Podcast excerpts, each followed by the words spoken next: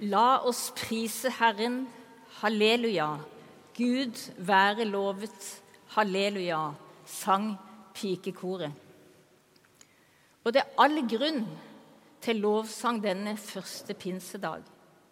Dagen som altså markeres i kirker over hele verden for å feire at Guds hellige ånd er gitt oss som gave. Samtidig er det vanskelig å finne språk som passer om Ånden. For det handler om noe ordløst.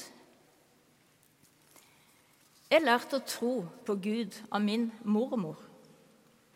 Jeg fikk ofte være på besøk hos henne alene. Hun var interessert i meg. Hun lytta aktivt, anerkjente meg og så meg på en spesiell måte. Jeg gleder meg alltid til å være hos mormor. Hun snakka egentlig ikke så mye om Gud, men hver kveld leste hun rolig for meg fra ei andagsbok, og så ba hun en tillitsfull bønn. Og når jeg ser tilbake som voksen, så skjønner jeg at min mormor åpna opp en større virkelighet for meg. En virkelighet prega av en fred som lå under hele tida. Også når livet kunne kjelke seg til. En tillit til at ikke vi er lukka inne i vår verden, men at virkeligheten er åpen og større. Og at gleden ikke fins et annet sted, men dypest sett handler om å være elska av Gud.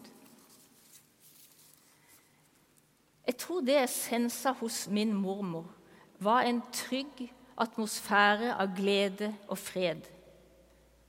Noe i retning av det disiplene opplevde da de så Jesus igjen, som vi hørte lest. Ja, han pusta rett og slett på dem og sa, 'Ta imot Den hellige ånd'. Det var akkurat den samme pusten som blåste liv i de første menneskene og i hele skaperverket. Den som alltid har vært der, og som gjør at vi denne våren igjen kan nyte naturens prakt, fargene, sola og varmen. Det all grunn til å synge 'Pris Herren, takk til Gud'. Men hva er det spesielle med pinsen? Tekstene vi har hørt, forteller at det skjedde noe nytt. Ikke bare med naturen, men også med menneskene. Både da disiplene på pinsedag i Jerusalem klarte å fortelle hvem de trodde på, på mange forskjellige språk. Og også da de var samla i fortvilelse etter at Jesus var korsfesta og tatt fra dem. Den dagen satt de bak stengte dører, og håpet som hadde vokst fram i årene sammen med Jesus, var knust. Livskraften og gleden var bytta ut med frykt og avmakt. Og så står han der det er ikke noe spøkelse, for han viser dem både hendene og siden med sår. Han er den de kjente, og de merker den samme atmosfæren av fred. Ja, det står at de ble glade. Den dagen åpna muligheten seg for oss mennesker til å kjenne Gud. Ikke bare lære om Gud og kristen tro, gjennom andre, men å få del i den nerven som gjør troen levende. Og det er dette jeg vil betone i dag. Denne atmosfæren av glede og fred som disiplene fikk del i da Jesus pusta sin ånd i dem, før de ble sendt ut. Og han hadde lovt akkurat dette i avskjedstalen sin før korsfestelsen. Da sa han, 'Dere er engstelige, men jeg skal se dere igjen.' 'Og hjertet deres skal glede seg, og ingen skal ta gleden fra dere.' Og nå er han der for å oppfylle dette løftet. Ta imot Den hellige ånd. Dette ordløse, denne pusten.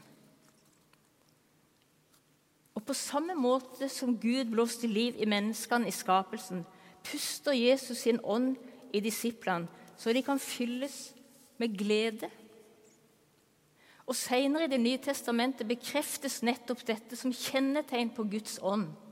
Kjærlighet, glede og fred. Og mange av oss lengter etter det samme. Å bli elska på dypet. Å kjenne glede og fred. Midt i en verden som er urolig, og som forteller oss at gleden og freden fins et annet sted. Jeg tror min mormor var prega av Guds ånd. Denne pusten som ikke det er så lett å finne ord til, men som gir glede, fred og fellesskap. Den atmosfæren min mormor formidla, førte til at jeg sjøl oppsøkte en ungdomsklubb, et kor og andre steder der vi sang og hørte om Gud. Det har vært en kronglete vei videre etter det. Og det er ikke alltid at gleden og freden har vært like tydelig, for å si det sånn. Men det å få være del av fellesskapet i kirka har holdt tak i meg. Her har jeg kunnet søke sammen med andre og stadig ta imot den samme tilliten, det samme nærværet som disiplene fikk del i, og som min mormor formidla. Hun som faktisk også hadde båret meg til dåpen. Den dagen da Åndens pust ble gitt meg som en gave. Derfor er det Guds kjærlige pust vi feirer i dag. Denne ånden som stadig kan fylle oss som kirke og fellesskap med enhet og samhold og trygghet på at framtiden ikke er lukka men han er åpen, og nye ting kan skje. Så min bønn er at Kirka, både her inne i kirkerommet og ute i samfunnet, kan kjennetegnes av nettopp kjærlighet, glede og fred i møte med den urolige verden vi lever i. Jeg vil avslutte med å be med Elias Blix, som vi skal synge til slutt i dag. Kom ned med liv i aude land. Kom ned med glo i slokna brann. Kom ned som sol på frosne eng. Kom ned som jod på tagna streng. Kom ned til oss med tunge ny, så lovsang stig fra bygd og by. Til med ditt englekor en gang med synger skal den nye sang. Amen.